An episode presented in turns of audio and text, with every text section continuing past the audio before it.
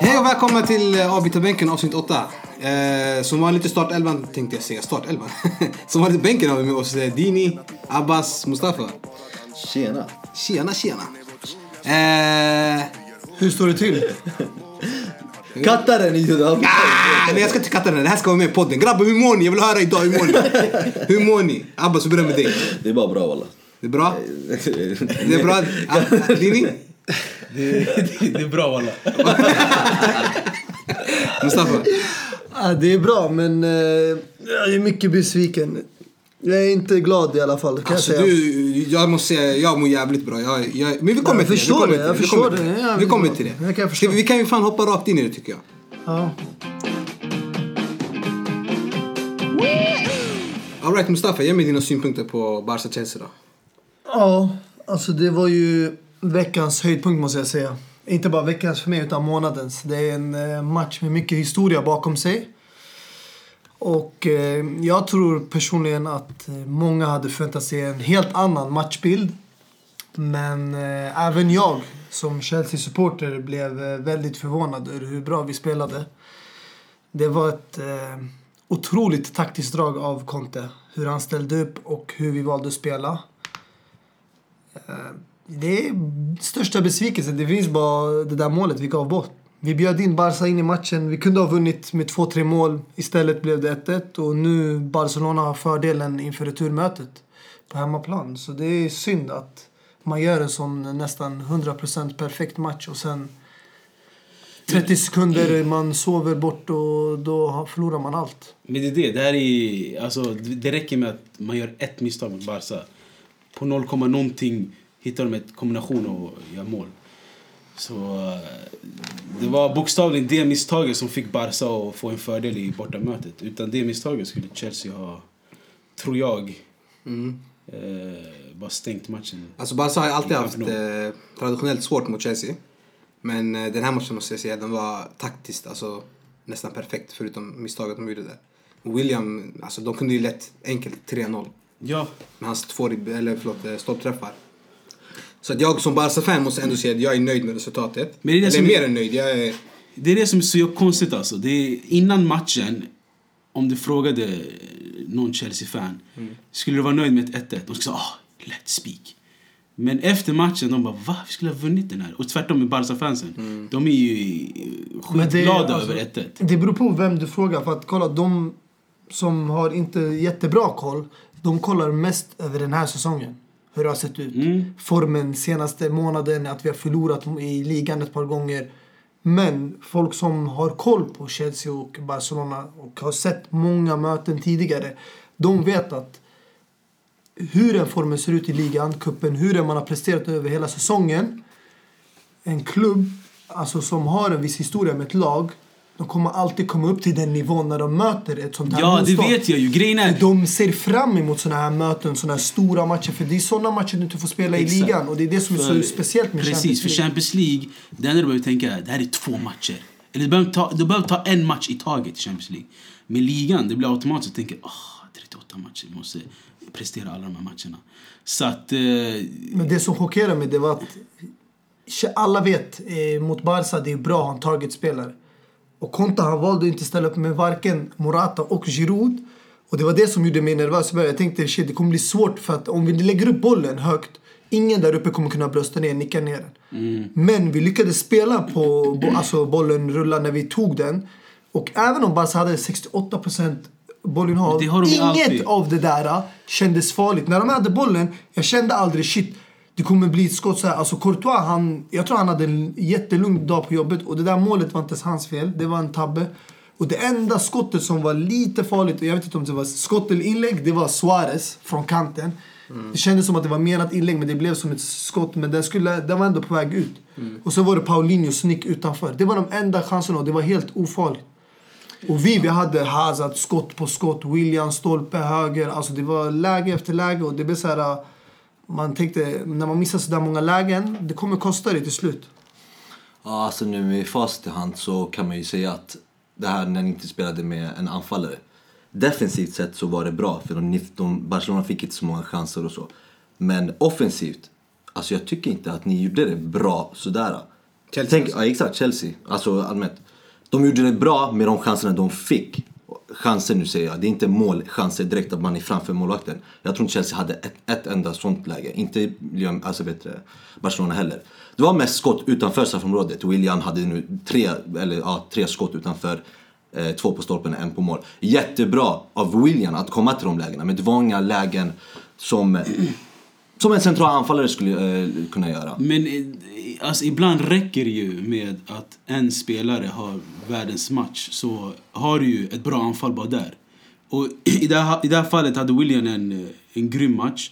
Och det räckte med att, att Chelsea hade ett bra anfall. Och Chelsea hade ett bra press också. Det som gör att, tycker jag, att de dominerade matchen. Alltså det Genom folk glömmer bort det är att dagens Barcelona med Valverde, det är inte som förut.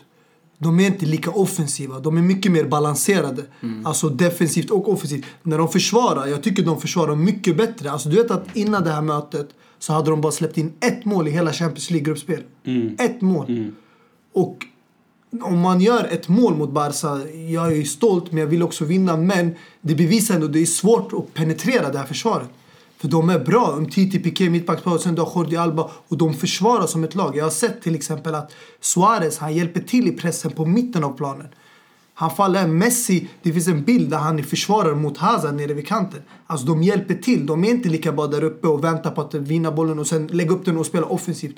De kör som ett lag, de spelar med som lag och det är därför de har blivit mer kompakta där Men får jag fråga en sak grabbar? Kändes inte lite för er också som att, eh, som att Barca kom dit med inställningen vi ska inte bara anfalla, anfalla utan försökte, alltså att de var, de var nöjda med ett av oavgjort resultat? Alltså, jag Att de, inte, att de inte vill offra allt framåt direkt? Ja, alltså... En klubb som Barcelona, jag tror inte de, man ska inte, eller det är inte den känslan jag får, de, man nöjer sig inte med ett, med ett kryss. Det är, ja, med all respekt för Chelsea och alla andra lag, det är ett sånt lag till exempel, om de skulle åka till Camp Nou så skulle de ha den här känslan, men vi kommer hit för ett kryss eller som bäst liksom. Eh, men nej, jag tror faktiskt inte det. Jag trodde de, det, alltså, det känns inte som det var ett annorlunda Barca än de här tidiga åren. Bara att i anfallet där det inte funkar, funkat exakt. Man har inte en, en till liksom spelare. Nu, blickarna var bara på Suarez och eh, Messi. Men även alltså Suarez. Alltså, jag satt och kollade på lite eh, Golden Days i, i, från Liverpool i Youtube om Suarez. Alltså Suarez är inte i närheten vad han var i Liverpool. Även om han kanske gör mål, mer mål i Barca. Alltså han är inte den här spelaren som bara dundrar in eh, mål från eh, straffområdet eller bara tar frisparkar. Och, ni kommer ihåg den här Norwich-matchen? Han var helt otrolig. Den, den, exakt. mål. Den Suarez finns inte längre. Och det är som Henri säger alltså. Alla spelare är i Messi, Messis skugga. Om du vill lämna den så måste du byta sport helt enkelt. Eller byta klubb. Så, han sa byta sport. Neymar, det, är det, det var till Neymar han riktade till att det är självklart Neymar i Messis skugga. Alla är det. Om, om du ska Jag ut från det- Messis skugga måste du byta sport helt och hållet.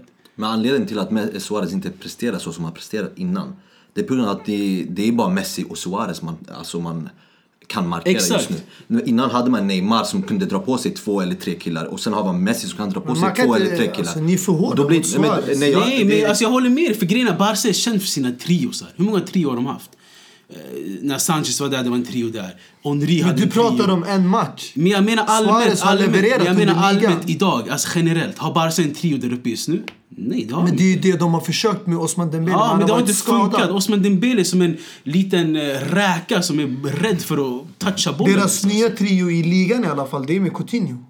Eller Osman Dembele han som är skadad. Men han kan inte spela i alltså- Champions League. Alltså, jag, alltså, man behöver en renodlad vänsterytter nästan Exakt. för att det ska bli en trio. För Messi har högra korridoren, Suarez anfallare och sen behöver du den här uh, nummer 11 Så du känner att Dembele inte kan brösta den rollen? Tyvärr inte. Inte han, i det är, läget. alltså, han är som ett rådjur på, på is. Alltså, det är Bambi på is. Jag vet inte om det är skada som har ställt till det för han eller för att han inte ens är erfaren fotbollsspelare allmänt. Han var ett år i Dortmund, ett år i Rennes. Så uh, Dembele, att lägga 100 mille på honom, inte bra drag av Barca alls alltså. En spelartyp som Dembele, men det kanske inte just den spelaren som eh, ska prestera just nu i ett Barca.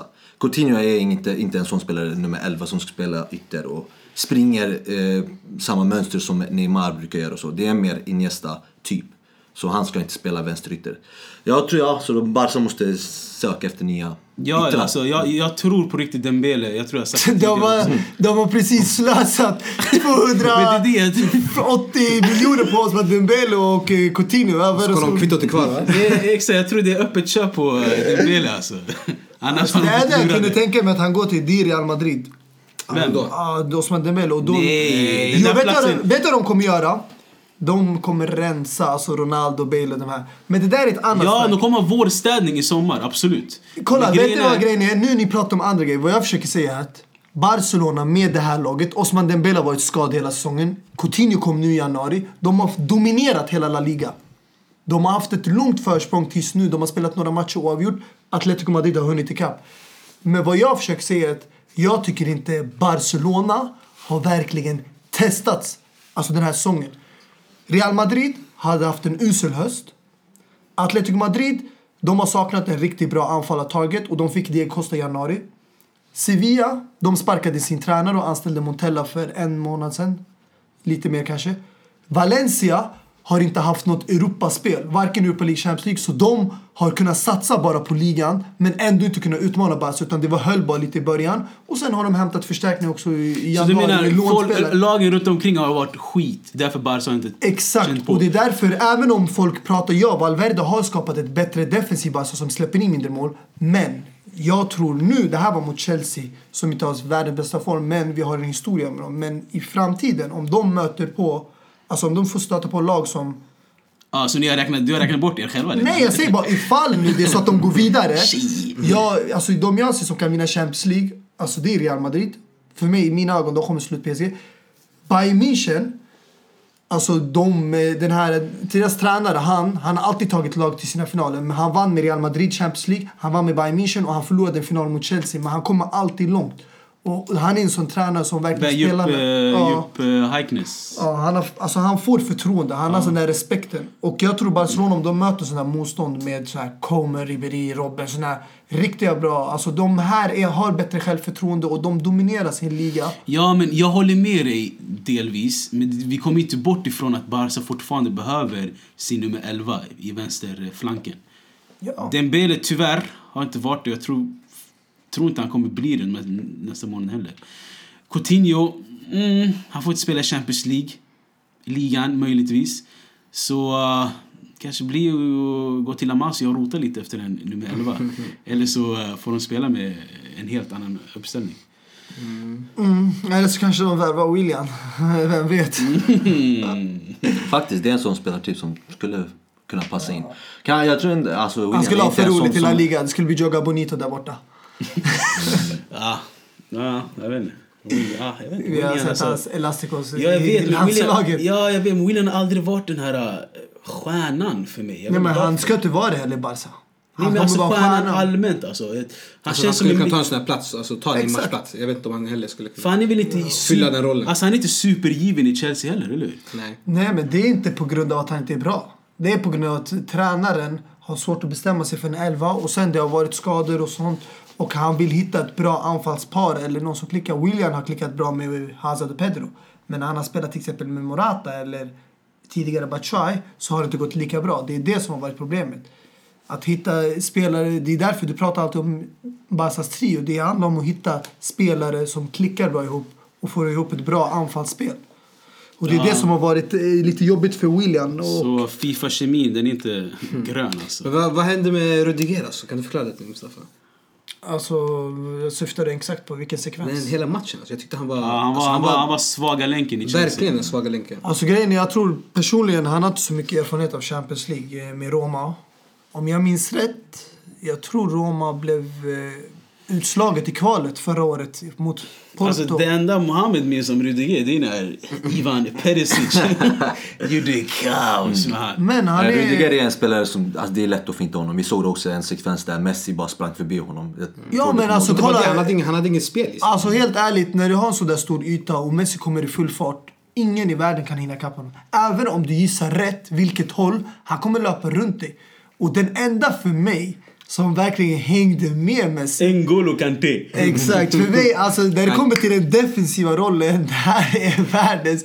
Alltså det är bästa defensiv mittfältare när det kommer till att markera sig spelare, bryta, hålla. Alltså han var bakom, alltså han kunde ge Messi ytan, men så fort Messi fick bollen, han kom tillbaka och var på honom. Och han sprang, han täckte ut honom till kanterna. Men Rudger helt själv, det går inte. Alltså det, är, det handlar om snabbhet, det handlar om att läsa. Och det är, när du Men sista alltså, försvararen, du vill inte bara ta en chansning. Nu han var tvungen för han kom i full fart. Så han chansade den sidan, han tog den andra. Men han, har- han har för, alltså, hans höfter bara bryts så fort han ser med. Alltså, det är någonting med hans ben. De är, de Han är, tar de stora- är flamsiga. Du förstår vad jag tar menar. stora Alltså, kliv de, är, framåt. de är den här... äh, ena, ena benet i vänstra halvplanen, andra Alltså han är... Det Det är är, kaos därför, bara det är där därför det här trebackslinjen är riktigt, alltså det är riktigt bra att ha en trebackslinje om du har spelare som inte eh, liksom är tillräckligt bra för att spela som liksom eh, med mittbackspar. Bara två spelare. Hur menar du? Jag menar till exempel, om du skulle ha Rudiger och Christensen, eller vem du vill, Rudiger och Mm. världens bästa mittback. Det spelar ingen roll. Det kan vara världens Mm. bästa mittback och bara Rudiger, två mittbackar. Du skulle aldrig hålla. Christensen, Ni vem, vem det pratar, än om, är. ni pratar om Nej, en säga- match där han mötte världens bästa Nej fotbollsspelare det, kan, det, behöver inte er vara, det behöver inte vara just Rudiger, det kan vara vem som helst. En som inte är tillräckligt bra mittback. Om du spelar i en tvåbackslinje så kommer det aldrig funka. Har du en trebackslinje, Med, med tre renodlade mittbackar. Exakt. Ja. Ja, exakt. Det kan vara trebackslinje, men det behöver inte just vara tre renodlade. Men Om du inte är tillräckligt bra, du kan ändå se bra ut om du har tre backar.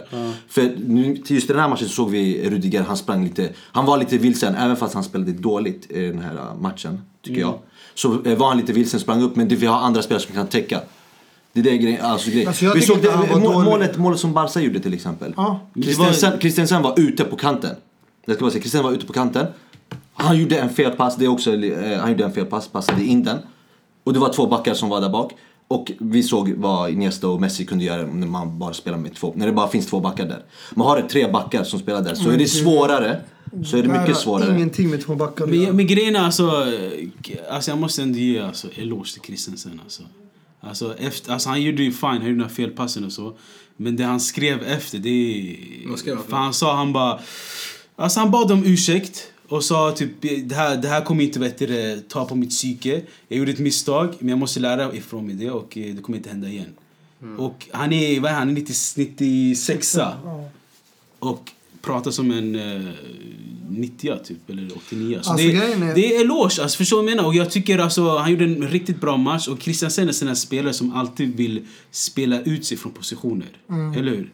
Än att bara rensa. Och det tycker jag är bra.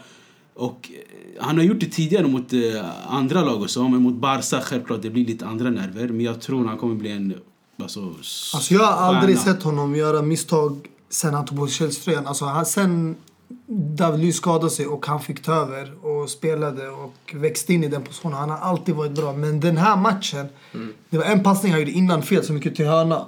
Där, redan där, jag märkte lite den här killen var lite nervös. Men han har spelat Champions League med Mönchengladbach. Han har mött City och Barcelona i gruppspel. Så han har den erfarenheten. Neymar, den där trion. Men just det här slutspelet, jag tror aldrig han har varit med om det. Så han var nervös inför det. Det och sen, det- det, det blev ett kostsamt. Han chansade och försökte passa Fabregas. Men när du passar i ditt straffområde runt om, du måste passa Alltså 110% säker pass till foten. Du Helt kan inte rätt. lägga en passning framför eller bakom en spelare. Men så, som sagt, Christensen kommer bli stjärna. Det, ibland det lönar sig att vara utlånad från Chelsea. För de har ju vad är det, 30 spelare bara som hänger i limbo. För grejen, de har, de har en WhatsApp-grupp. Alla, alla lån det är Chelsea. kastat, jag vet. nej, nej, nej. Nej, det är sant. det är sant. Det är sant. Det är för Ja, ja. eh, lånen, alltså, att hålla kommunikationen. Alltså fatta hur mycket skit som skrivs i den gruppen alltså. Patrick Brentford och grabbarna bara... Nej, Patrick Vem var ju såld. Nej jag vet men tiderna när han Han var utlånad. Du måste tänka på att nu vi har en tendens att sälja och bli av med många Men får spelare. jag fråga dig, får jag fråga dig, vem tror du är gruppadmin i den här WhatsApp-gruppen? Alltså jag tror den här gruppen är ju för... Den som har varit mest lånad. Vem är det? Alltså, det den måste är vara som- typ... eh, Nej, nej, det är ingen Mo admin. Mo Moses var ju en stabil admin först. jag, jag tror han fortfarande är med i Du har, gruppen. du har missförstått det här hela. Den här uh, admin, alltså den som är ledare, det är någon som är akademitränare. Nej jag vet. Men, alltså de Du var... visste inte alls. Nej det var bara. Det är Eddie Newton som har koll på de här. ah, alltså du har koll på WhatsApp-gruppen på riktigt? Nej, men det är han som har koll på alla lånen. Den här Nej, jag vet gruppen... men När det står såhär. Wickers Moses lämnade, så blir det nästa som tar över adminen. Ja, det är som sagt. Ah, fy fan. Ja, det är mycket hat. Men grabbar, får jag fråga en sak då? Vi, Mycket om hat vi när eh, matchen. lag blir så bra. Hur tror ni det ser ut eh, nästa match? Mm, Det är Med tanke på det här resultatet. Enligt eh, Erik Niva så är det ju 75-25 Till... Barcelona Oj, oj, oj. fördel. Så vi får se. Jag Alltså, tror, bra, eh, tack, tack för att du tog upp Erik Efter Niva den här lite. matchen, i alla fall vad jag såg, även om det är Camp Nou, det är Barcas hemmaplan. Efter det jag såg, jag är väldigt positiv. Jag vet att vi kan spela ut Barcelona om vi liksom håller oss lugna och vi kan verkligen utmana dem och ge dem en ordentlig match. Det kommer inte bli... Men grejen en- är... Det är långt ifrån över. Alltså jag, jag, ty jag tycker att eh, så som ni, eller jag tror eh, att ni kommer spela exakt så, alltså med den startelvan som ni spelade nu första mötet kommer ni ha samma, eller andra mötet. Alltså då tänker jag mig att ni kommer inte ha en anfallare som kommer spela just eh, den matchen. För det är bäst att, alltså, att ha en Giro till exempel och kontra med, det är inte värsta. Morata absolut, men om inte han startade det här första mötet så varför ska han starta den andra, äh, andra matchen? Eh, och eh, ja, en liknande matchbild som, eh, som förra, förra Champions League-mötet som ni hade mot dem när Torres gjorde mål där i slutet. En sån liknande matchbild tror jag det kommer vara. Mycket defense och sen bara köra kontringar och hoppas på det bästa. Och ha en, eh, ja, nu, innan hade ni Ramirez som kunde springa förbi och, Och bara chippa chippa över eh, Jag tror- Victor Valdez. Jag tror inte ni har en, eh, jag tror inte Kante har de där kvaliteterna. men grejen du är alltså, nej men grejen är, du nämnde Erik Niva. Hörde du vad Erik Niva sa om eh, William? Ha- Hazard? Ja, nej. Om att eh, Hazard ute i Europa bara typ gjort två Jag vet. straffmål. Och grejen, det är intressant. Nej, det är efter gruppspel. Det, ja, ja, exakt, exakt. I slutspel. Och det är intressant. För grejen är, Hazard brukar oftast jämföras. Man brukar säga ah, vem är bäst efter Messi, Ronaldo och Neymar. Mm. Folk brukar säga det är Hazard. Men, Lägg av.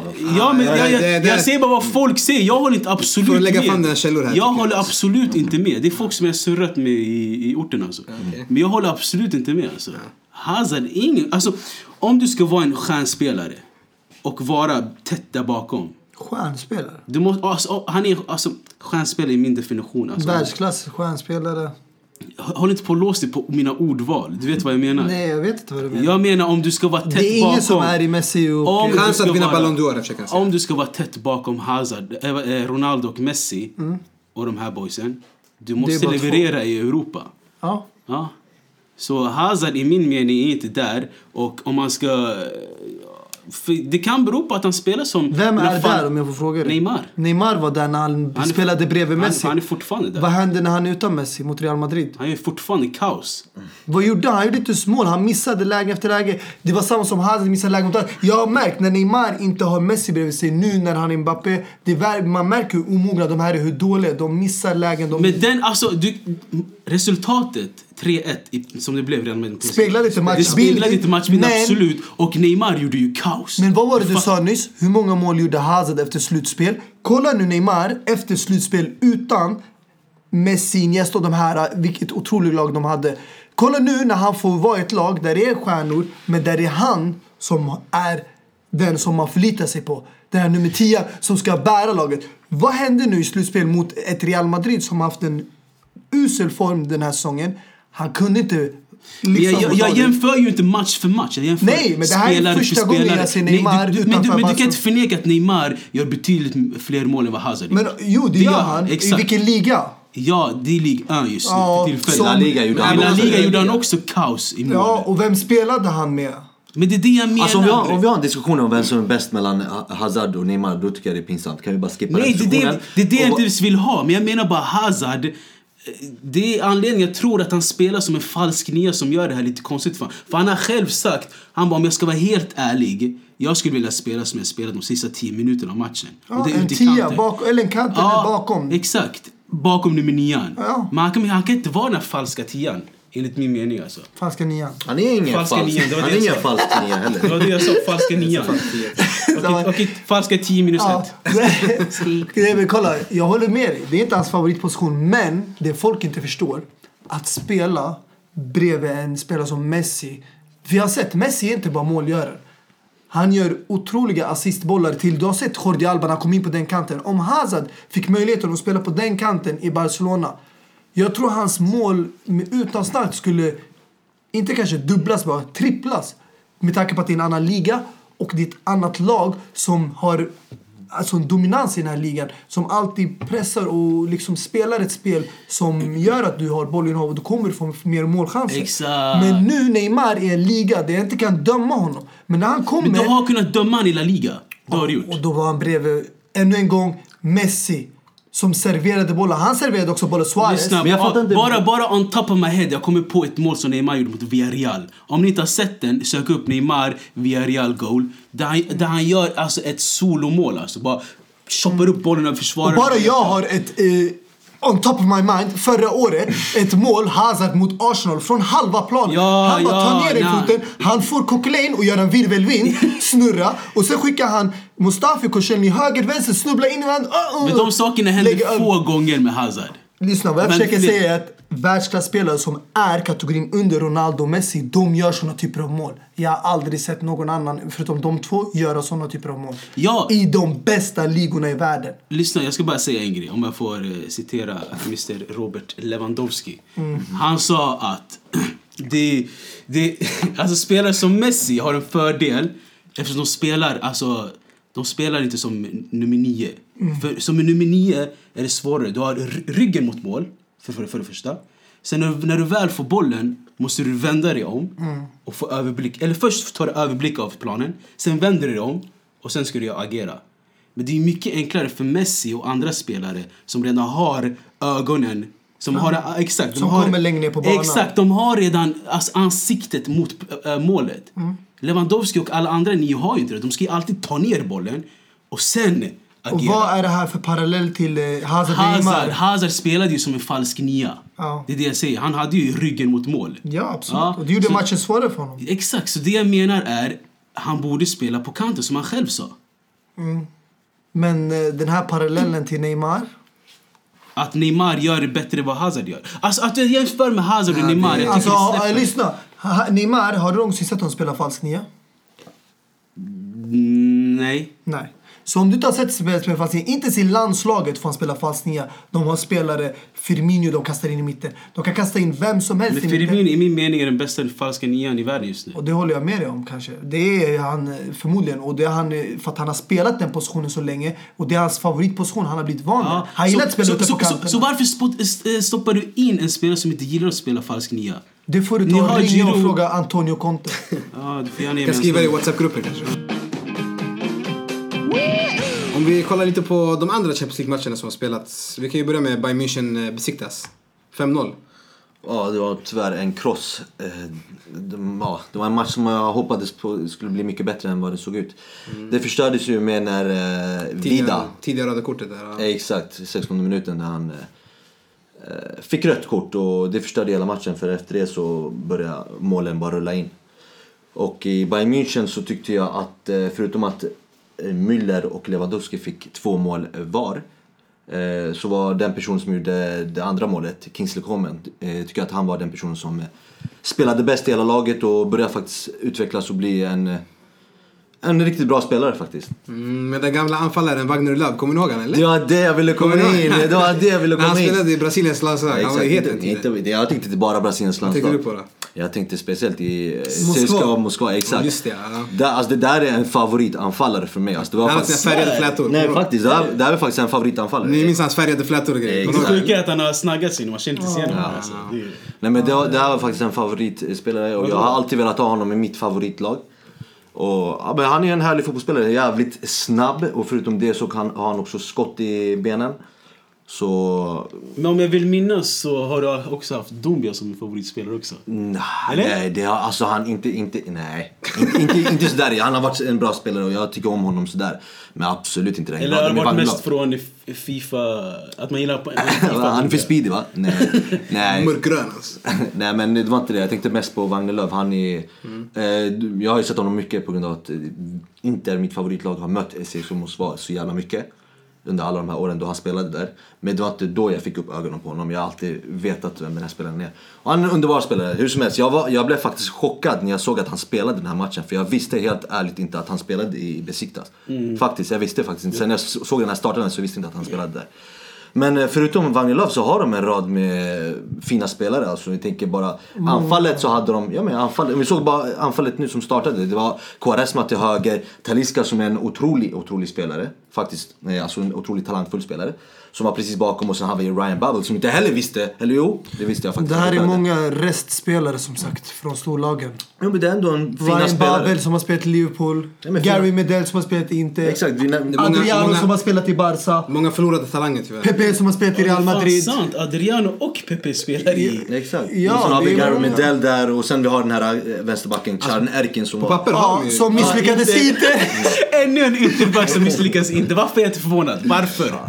Misslyckas inte, han måste ju få Talisca sina chanser, Men, däremot. men ja. Nej, men jag menar Jag tror en kommer Hur som helst, jag tror ingen, ingen trodde att Besiktas skulle vinna själva eh, matchen på Nej, men mot alltså- Bayern München. Men det, var ju, det är ju tråkigt när sånt här, sånt- här händer. Vi såg ju eh, Citys cross, vi såg Liverpools cross, nu ser vi Bayern Münchens cross. Det här är inte Champions League, kom igen nu för fan. Vi vill se lite fi- bättre matcher. Ryck upp er, grabbar. Ja, nej men på riktigt Nej men jag alltså. tycker ni är lite hårda mot Besiktas. För att grejen, jag såg höjdpunkterna. Och innan röda kortet, Besiktas hade riktigt farliga lägen. Alltså de spelade riktigt bra. Wagner Love bland annat hade ett friläge där han eh, tunnlade, gick förbi Jerome Boateng. Och missade, ja han sköt ju bara över upp mot läktaren. Och de hade ett par fina chanser, de ställde om bra. Och jag tror det hade varit en mycket jämnare match om det inte vore för röda kortet. Det hade blivit kanske så här 2-0, 2-1, kanske Bayern München. Så det hade varit ganska ja, jämnt. Men det är synd när sånt händer. Det var ju en felpassning där också. Ett misstag från en försvarare som eh, gjorde att Lewandowski blev frispelad och eh, Vida tog chansningen. Och... Nej, men alltså, man kan ju säga alltså att eh, även om Arsenal inte är med i Champions League så är det, Beşik- eller så det Bayern München en Arsenal-mos av Besiktas. Det. Ja, En grej bara som jag vill nämna det är ju Bayern Münchens anfall. Alltså jag tycker det är lite, lite tråkigt och man blir lite ledsen faktiskt. Eh, när man inte ser Ribéry och Robben start. robberi alltså. Exakt, det är, det är ju de här tiderna som jag håller tillbaka dem, när jag tänker på Bayern München. Vilket otroligt anfall de har alltid haft. Speciellt de här yttrarna. Eh, nu ser man inte dem längre, och vilket är förståeligt för de har kommit upp i åren. Men, eh, ah, tråkigt. Ja, besiktas. De kom ju dit som en nybesiktad bil men lämnade tillbaka raka vägen till bilprovningen tror jag. Om vi går vidare till eh, Sevilla, Manchester United. Dini, du var ju ganska arg igår. Du gick och la dig ganska tidigt. Fick jag höra. Ja, det är förståeligt måste jag säga. Alltså sanningen, alltså jag ljuger inte. Det har aldrig hänt i alltså CLs historia att jag går och lägger mig 21.45 på en tisdag eller onsdag när det är Champions Skandal. League. Alltså ni... Eller jag, ska, jag gick inte och la mig, jag satte på Netflix istället. Kollade på någon serie en halvtimme, sen gick jag och la mig. Så jag var tvungen att kolla livescore sen att det blev 0-0. Men alltså fy fan alltså, vad är det för jävla... Alltså.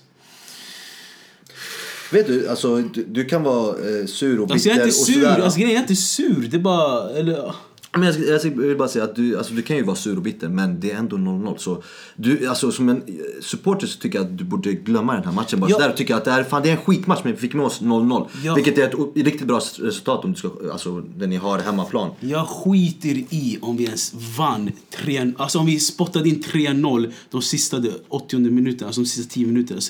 Alltså vi spelade så... Alltså, Ja, jag förstår. alltså grejen är, sånt här lag vill jag inte se i Champions League om jag ska vara helt ärlig. Det enda som gör det orättvist är att jag är United-supporter. Jag kommer vilja, som sagt, att vi går vidare, självklart. Men det är så tråkigt, alltså. Det är sanslöst. Och grabbar, ni som har, ni som har vet du, Mourinho-erfarenhet, ni får ju fan hjälpa mig lite här. Alltså, jag är dig. är- är det Jag- så här? Jag, Alltså jag är också Barca, vi har också det så jag förstår det. Ja, jag menar de här grabbarna Alltså, har kolla, haft jag, eh, jag, jag har lite haft svårt att se det här, vad som har hänt de senaste åren med Mourinho. Exakt. Men jag kollade på... Eh, det var diskussioner kring tränare i England och deras roller. Klopp, Conte och Mourinho. Och på ESPN, eh, experterna där, de hade en diskussion där man pratade om att dagens fotboll, den moderna, den har utvecklats. Alltså nu förut såg du Barca spela offensiv fotboll och pressa högt. Men nu du har lag som Bayern München som vill alltid komma och dominera. Tottenham, ett lag som inte ens vinner ligan, som är i toppen av ligan, är ett lag som vågar gå och spela sin fotboll borta mot Juventus. Du ser såna här grejer som du inte såg förut. Och det har gjort att liksom även Juventus som är ett känt som är väldigt bra där bak, defensiva, kan stänga matcher. Har blivit ett lag som spelar offensivt och vågar Alltså- spela med tre, fyra offensiva spelare i elvan till skillnad från förut när de hade sin trebackslinje. Så det är fotbollen har ju ändrats och man märker att lag, även inte mittenlag, men lag som är där strax under topplagen vågar ta risker. Och det är det jag såg Sevilla mot United. Att de kom ut med det här, vi kan vinna den här matchen. Även om de mötte topplag i England. De har visst att de, framför hemmafansen, med de spelarna de har, med den tränare de har fått, så kan de vinna ett lag som United om de tar risken och vågar gå på. Det handlar om att man ska tro på sig själv och tro på den fotbollsidén laget Abbas, har. får jag fråga en sak till Abbas bara? Okej. Skulle du säga att eh, Mourinho inte har hängt med i utvecklingen? Att han, han hade en modell som han körde med, men den har blivit utdaterad? Exakt, ja, jag, jag håller med dig faktiskt. Jag tror, alltså han har ju kört det här ah, defensiva spelet. Det är just mot de här ah, bra lagen tycker jag. Jag vet inte vad, vad som händer nu. Men mot de här bra lagen, jag tror när han ska komma och möta dem, alltså möta ett lag som kör, pass, passar bra och är riktigt offensivt. Jag tror det här offensiva laget, deras tränare vet hur Mourinho kommer spela och de har liksom tänkt ut hur, hur vi ska liksom lösa det här defensiva spelet.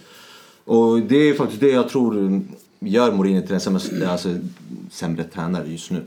För att han, folk har läst honom, han borde läsa dem och hitta, även han hitta andra sätt eh, att lösa, alltså lösa det på. Till komma med lite överraskningar och sånt. För man vet alltid på förhand Mourinho kommer komma hit och spela defensivt. Han kommer göra, eh, spela, här- alltså, speciellt mot det här laget. Jag fattar inte varför han spelade riktigt dåligt mot det här laget. Det kan också bero på spelare som, eh, alltså, jag vill inte vara hård mot Lukaku och Var hård. och det, men alltså, det, det, det är synd faktiskt att han är inte bra. Ska jag säga. Han är inte jag, bra. Jag, jag tycker om Lukaku faktiskt. Jag tyckte om honom. Nu ju mer jag ser honom, han börjar bli riktigt, riktigt... Alltså, Jag tyckte han var bra den där Den matchen. enda Det- anfallaren som vi haft bra, det är fan Percy på senare tid. Alltså jag tycker så här, Robin van jag, jag, tycker så här, Persie. jag tycker så här. Du spelar i United, du spelar i Champions League.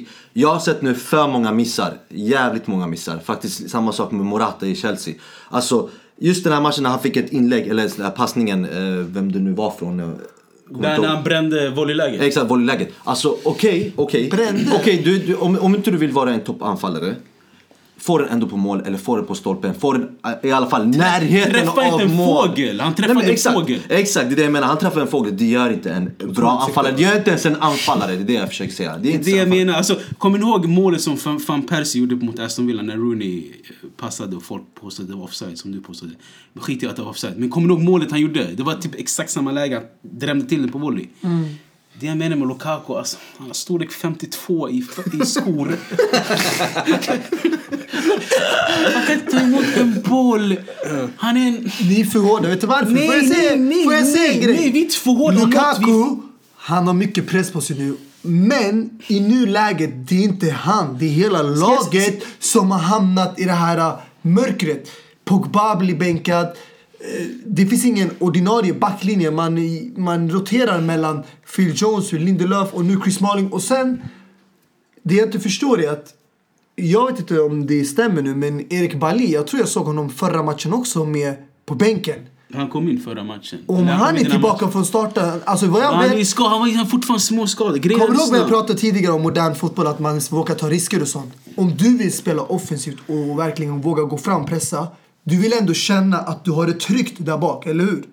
Mm. Jag tror Mourinho inte känner sig 100% trygg med Chris Smalling Det speciellt. gör han ju inte. Låt mig prata klart. Och Victor Lindelöf. Men när han hade Erik Bali där, oavsett vem som spelade bredvid Bali, om det var Phil Jones eller Smalley, han kände sig trygg. Och jag kommer ihåg de första matcherna den här säsongen. United smattrade West Ham 4-0, Swansea 4-0. Alltså de vann stora siffror för att de vågade gå framåt och spela för att de vet där bak, försvaret kommer täcka för dem.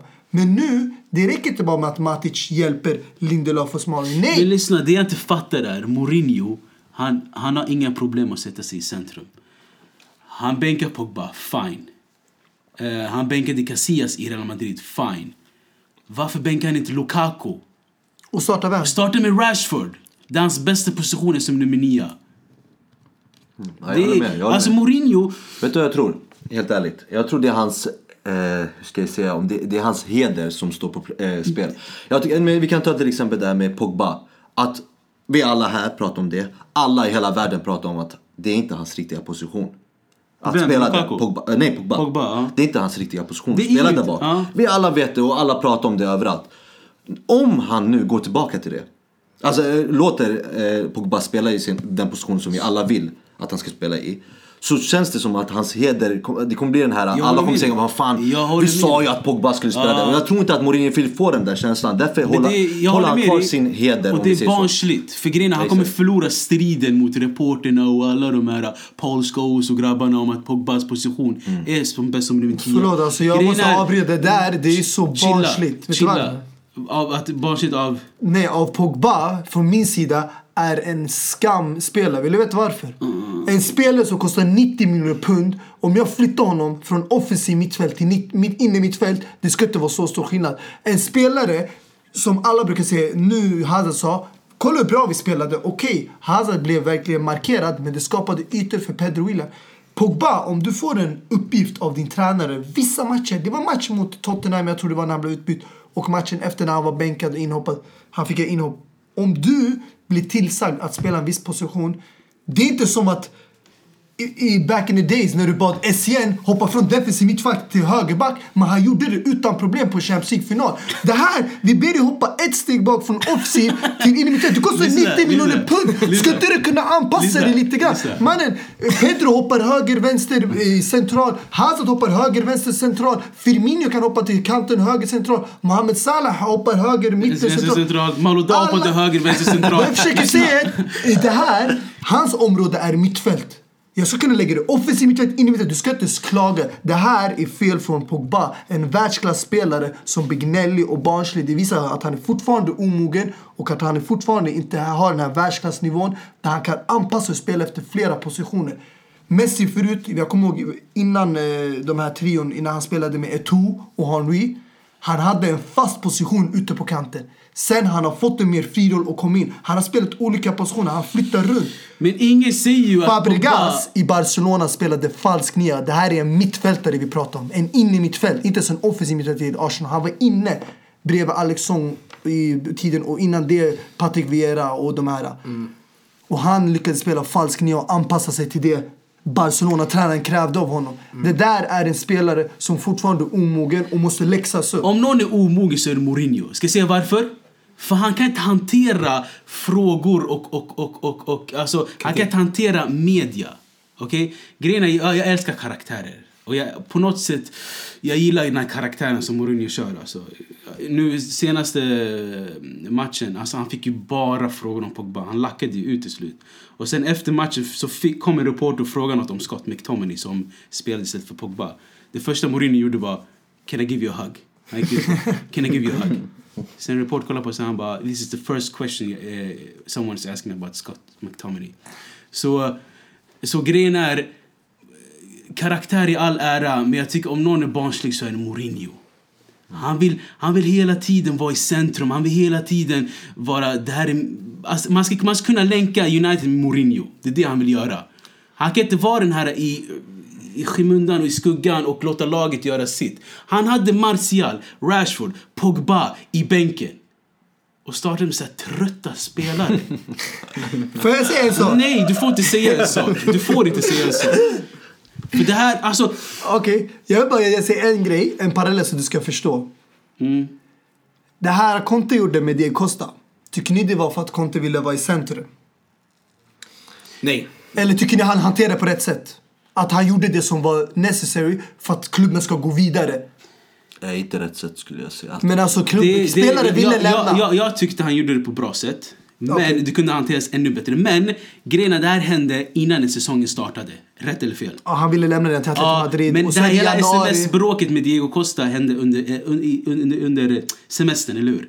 Nej men alltså redan i januari, det var ju menar tjafs om det här med Mourinho, Kina. Mourinho hämtar tjafs och bråk Nej, allt vad under jag, försöker, säsongerna. vad jag försöker säga är att Mourinho fick ju sparken och då fanns det en, du vet, en diskussion om att han hade haft tjafs med Diego Costa i Chelsea. Vad jag försöker säga är att Mourinho, det är också hans ansvar också att hantera spelare och han är dålig på att göra det. För att Conte, när han hade Juventus, Okej, Pogba hade en erfaren spelare som Pirlo bredvid honom. Men jag tror en tränare som Conte behövdes för att läxa upp Pogba och veta hur han ska spela och vart han ska spela och hur han ska utföra sina uppgifter på plan för att liksom bli den spelare han är idag. Och nu, Mourinho, han tänker att den här killen, han kom från Juventus, han är klar, han är stjärna. Nej, han är fortfarande en Mourinho, ålder där han Mourinho är kan inte utvecklas. samma Mourinho som när han var i Chelsea inte. Så fort hans svarta hårstrån blev till vita, det var då han tappade alltså. Det var i Real Madrid. Ja exakt, Real Madrid alltså. Han blev dum i Real Madrid. Det var det. Efter det, Mourinho, alltså jag fattar Men han vann ligan med Chelsea, så där är skitsnack. Vad sa du? Efter Real Madrid. Ja, jag menar men det där det började gå ut för. Nu är han helt... Alltså jag säger Grejen är, alltså, grejen är, vi skulle bara hållit, behållit kvar van Gaal, låtit han växa. Du ser ju vilka, vilka, vilka, vilka frön han har. Han har alltså kolla Zidane till exempel, när han bänkar Ronaldo. Ronaldo har inga problem med det. För att Zidane, han är också sån här som verkligen kan kontrollera spelare och läxa upp dem. Men det är därför jag säger varför bänkar han inte Lukaku? Det är bra poäng också, men Det är Lukaku gjorde vill, två visa, mål. han vill visa en poäng för allihopa. Han gjorde att, två att mål senaste kommer matchen i FA Det är inte bara det, jag Lägg tror alltså, alltså allmänt, jag tror, alltså, Mourinho tycker de anfallare som är ganska så här, lätta att knuffa bort. Alltså, Och Rashford är lätt att knuffa bort, eller? Ja, han har lagt på sig spinkis, kilo men- under sommaren. Och han är... Han, är han, han, ser, han ser äldre ut än vad Lingard gör. Han ser äldre ut än vad Martial Men om gör. man ska helt ärlig, jag har aldrig, jag har aldrig sett eh, Rashford gå in i närkamp. I alla fall inte jag. Tröjan sitter tight runt bröstkorgen. Nej, alltså han kan gå in, han har Så det här är en- han klarar av det. Nej, men vi pratade nyss om nummer nio, eh, Lewandowski, någon som kan hålla en spelare. Men det- Är Rashford en sån person? Rashford är inte en sån typ av nummer nio. Han, Nej. han är mer en, en, en, en, en djupledare där han bara Ska jag vara helt ärlig, Och i ett lag som United så kan inte man ha såna spelare. Okej. Det är bara om du kör kontring eller Ja, något sånt men, där. men, men, men ska- vi nämnde ju vad, vad Lewandowski sa. Att du håller i bollen, eh, kollar omgivningen, sen vänder om. Mm, det är inte Rashford. Lukaku, Lukaku kan bara göra första steget. Han, han, han tar emot bollen på bröstet, för fötterna kan han inte göra, för han har clownskor på sig. Och sen vad händer då? Han kan inte vända på sig eller någonting, han blir...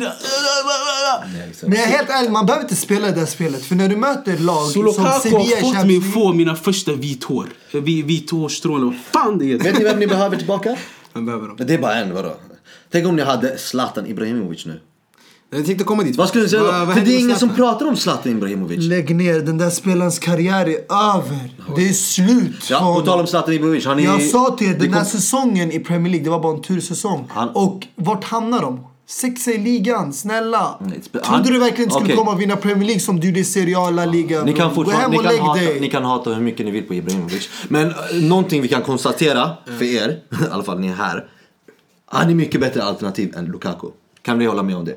Jag är mycket bättre Bro. alternativ än Lukaku. Pina, lyssna. Pinamonti, Pinamonti är bättre alternativ än Ja, ja, vad, eh, självklart. vad eh, Pogba är. Pinamonti är Inters eh, Akademispelare. akademispelare för övrigt.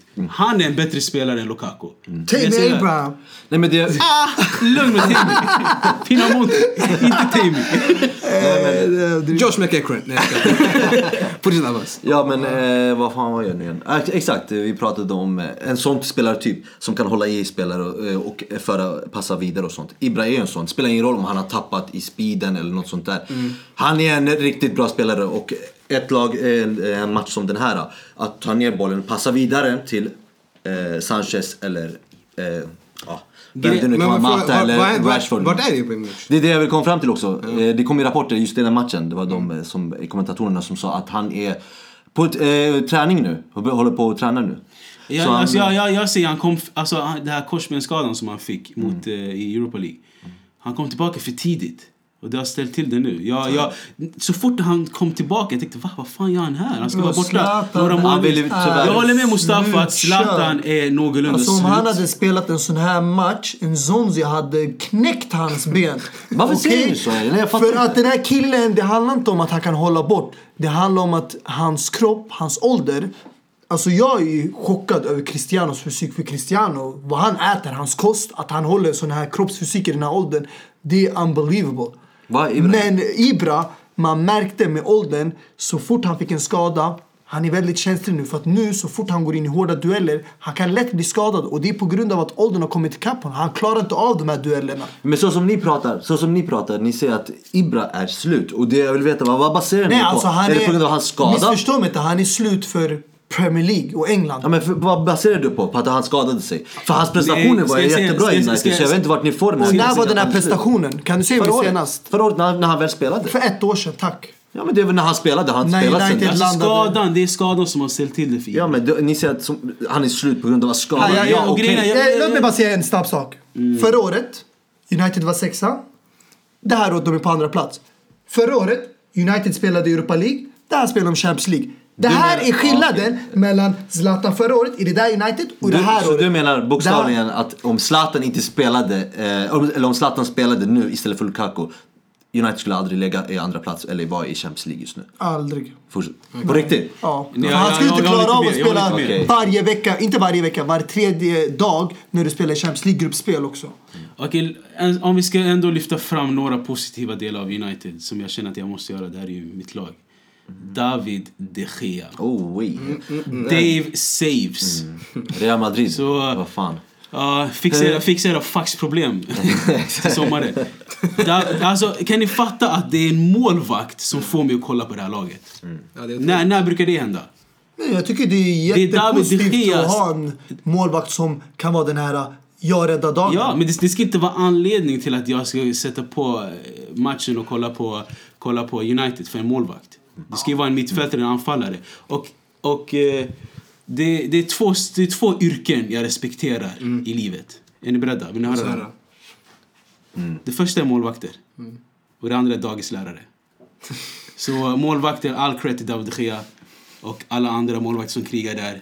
Jag eh, respekterar det. Peter Alltså, med Jag vill bara säga en grej om, eh, vi pratade nu bara om United och att de gjorde en dålig match eller något sånt där. Vi måste ju prisa eh, Sevilla. För de kom med inställningen att de vill vinna matchen och förutom det måste vi också prisa eh, Montella som spelade riktigt offensivt om vi bara kollar deras startelva. Från mittfältet uppåt. Eh, du har en Banega och en, en Zonzi som var otroliga just den här matchen. Alltså eh, överdrivet eh, bra. Speciellt Ben- Banega. Men, eh, nej men eh, det är Opartiskt. Nej men, nej men nej, jag menar verkligen det. Eh, sen har vi eh, fyra offensiva i Korea, Korea eller hur Ja, vi Korea, han är ju framtida ersättare till eh. Pedro. Ja, och sen har vi Vasquez, Sarabia och sen Luis Muriel. Alltså det här är riktigt offensivt. Speciellt med det här mittfältet som de har som inte är defensiva. Det är mer offensiva Insonsi, okej de kanske är li- lite något. Grabbar, förlåt att jag hoppar in här men... Och en, en, en, en, en sista grej. Och Jesus Navas som var högerback. Kom igen vad fan. Det är ju, Jesus. Men han har ju spelat Han- högerback under hela Montellas tid. Han återuppstod i Sevilla. Men grabbar, eh, bara två, tre minuter snabbt. Shakhtar Donetsk och Roma. Abbas. Cengiz under. Det räcker så. Cengiz under börjar bli... Ja, jag tycker inte det räcker så, men eh, man ska ge cred till Shakhtar som... Och deras frispark, Shakhtar Donetsk Fy frispark. fan, Ja, vilken frispark av Fred alltså. Eller, alltså jag tycker Alisson Becker kunde göra bättre ifrån sig om jag ska vara helt ärlig. Och han är ju klar för eh, City. Fred. Ja, det är helt sjukt. Alltså de köper alla spelare i förväg. Det är inte så roligt. Man kan inte ens hänga Nya med dem. Fernandinho? Eh, Fred då. Och eh, ja, han kommer ju bli fram till ersättare Fernandinho som har passerat 30-årsgränsen. Som också kom från Shakhtar Donetsk. Är det, är, är det ett mönster de håller på att göra? Fernandinho, de hade Fernando, nu kanske Fred funkar. De försöker bygga på något här Men det man får inte glömma bort det är att Shakhtar slog ut Napoli i gruppspel och nu vann de Roma. Och det här, om de går vidare nu, det är andra italienska laget de slår ut. Och det här är ett ukrainskt lag som verkligen, de hämtar talanger spelare från Brasilien. Ja, jag, äl- alltså jag älskar att se sånt här. Alltså. Gör sina spelare. Alltså underdog som bara... Som bara En fantastisk spelare bara där jag tänker på direkt, det är Douglas Costa. Vilken lirare de har gjort. Och William, som Och i- är i Chelsea idag. Så Och i- det är, man måste i- tacka ändå Shakhtar, vilka spelare de producerar. Och i nu dagens eh, Shakhtar Donetsk så har jag i alla fall personlig favorit i Marlos. Ja, jag trodde du skulle säga Tyson. Nej, Ah. är sån, ah, jag tycker Marlos, mer mycket fi, fina fötter och dribblar mycket och någorlunda snabb. Och sen har du den där uh, brassen som skulle egentligen till Arsenal förut, Bernard. Det här blev ju aldrig av. Eh, han köper man alltid på Det, Fifa-läget. exakt, exakt. En, en Napoli-spelare, eh, Mm. den längden. Shakhtar som spelar i Ukrainian Premier League. Jag måste säga ändå ett stabilt lag som ofta är med i Champions League. Ja. Mm, ja, de, de eh, prenumererar på Verkligen. Champions League-platsen. Mina mandem, om jag säger Super Sunday, vad säger ni då? Manchester United, Chelsea. Cupfinalen Arsenal-Man City. Roma-Milan. Bra matcher. Ja. Vad, vad säger du, Yasser? Ja, jag ser fram emot eh, Sevilla Atletico Madrid i La Liga. Det är ju Sevilla som behöver ta viktiga poäng för att komma till Champions League-platserna. Eller om de inte slår ut eh, United nu då. Ja, sen finns det ju även en match i Frankrike. PSG mot Marseille. Senast förlorade de eh, toppmöte mot Lyon, så jag ser verkligen fram emot vad Neymar har att göra nu mot ett ännu topplag i Frankrike. Ja, men ska, man, eh, ska man lägga en hel söndag eller? eller jobbar ni eller vad gör ni? Jag är ledig. Jag jobbar ju, så jag kommer ju se eh, United-Chelsea hemma, men däremot eh, de andra matcherna blir ju live. Det Abbas ju- Ja, jag jobbar också men jag kommer ha mobilen på, självklart. För livescore eller? Eller fan, nej, nej, eh, absolut inte. vi, vi, Kolla live, livestream. Vi är borta i Malmö ju, Yasser. Ja men... eh, Ja, ja. Eller vi är tillbaka till... Ah, Ah, skitsamma. Grabbar, vet ni vad jag ser fram emot också? På lördag. Real Madrid Alaves. Våran eh, favoritsvensk Super John Guidetti. Tror ni han får starta på, mot, United, mot Real Madrid eller? Självklart. Jag ska inte göra det. Han har gjort det bra hittills, så varför inte? Det sjuka är att John Guidetti fick överdrivet mycket tv-tid eh, eh, när Chelsea-Barca skulle mötas i studion. Såg ni det eller? Ja, hur man ska göra mål mot Barca. Vem är du som ska lära Mannen, vi har mött dem. Nej, i alltså, jag, jag gillar John Guidetti men shunon satt i sin Alaves-tröja och försökte förklara hur man gör mål mot... Han gör ju mycket mål mot jag, Barcelona. jag, jag, alltså John är min brand, förstår du? Bror, du kanske kan lära Niang hur man gör på Camp Nou. Missa friläge, men bror, Chelsea. Ramirez bror, vi har den erfarenheten. Vi vet hur man gör mål på Camp Nou. Abbas, Inter Benevento. jag vet inte, du duckar den här matchen, men eh, vad säger du? Ja, jag hoppas bara inte att målvakten gör mål på oss. Nej men eh, det är en match som jag inte förväntar mig eh, en vinst. Om Alltså, de, inte Icardi ju, spelar. de ligger ju sist på 10 poäng, så att... Eh, Det är, ja, Och det är hemmaplan. det här borde ju... nej, såvida inte Icardi spelar så blir- händer ingenting. Jag kommer inte kolla på den tror jag. Fan. Alltså sanning, det är en match jag ser också fram emot. Ni kommer säkert ka- kalla mig för en hipster fotbollskollare. Ja. När Lyon saint Etienne. Vet ni varför jag ser fram emot den här? Kommer ni ihåg när Nabil Fekir tog av sig tröjan och det blev kaos? Ja. Och när han, när han gjorde den här Messi-målgesten, eller Marcelo-målgesten eller vad ni kallar det. Ja. Icardi. Icardi-målgesten eller... Ronaldo. Ronaldo det är så många eller- som har gjort det nu. Det är en vanlig grej. Ni vet vilka jag menar. Alltså matchen avbröts ju direkt Ja, efter. det- För ah, folk stormade in och kastade grejer. Så den här matchen kommer bli hett alltså. Men den här gången är det ju Lyons hemmaplan. Ja, men det, du kan ju räkna med att Saint fans åker, dit, åker till Ja, men de kommer inte våga storma ja, ja. planen där på bortaplan. ja, men det sjuka är att de, de, de ledde redan vad är det, 5-0 och ändå håller på att visa tröjan för bortafans. Alltså, alltså, Ja. smutsig alltså. Men jag, Nej, gillar, det- jag gillar sånt här. Det var riktigt smutsigt. Ja. Ja, det, det ska ju bli intressant att se Milan också när de får sitt riktiga test nu mot Roma. Eh, vi har ju gett dem mycket beröm. Lite, eh, mindre beröm i början men nu mycket mer beröm på senaste tiden. Men nu är det riktigt, nu är det, det är nu det gäller. Men kommer, tror du Roma kommer använda förlusten som en bounce back mot Milan? Tror ni de är förkrossade efter förlusten eller de är det revanschsugna mot en vinst? För de förlorade ju 2-1 mot Shakhtar Donetsk. Ja, det, det är ju... Ja, jag tror personligen eh, Milans fördel det är att eh, Roma spelade i Champions League igår. Och eh, Milan har ju en stor fördel med sig från förra veckan i Europa League-spelet. Så de kommer ju ställa ut B-laget, säkert vila många nyckelspelare. Och det kan ge dem en stor chans att ta hem det här mötet. Men det kommer bli intressant att se. Mm. Men vi har ju alla olika perspektiv, eller hur? På hur helgen ser ut. Speciellt Super Sunday. Vem som, eh, eller vilken match som är den största höjdpunkten. Ja, vi har en het match, och, eller en het helg att se fram emot. eh, Så att, eh, grabbar. Vi måste tyvärr lämna och...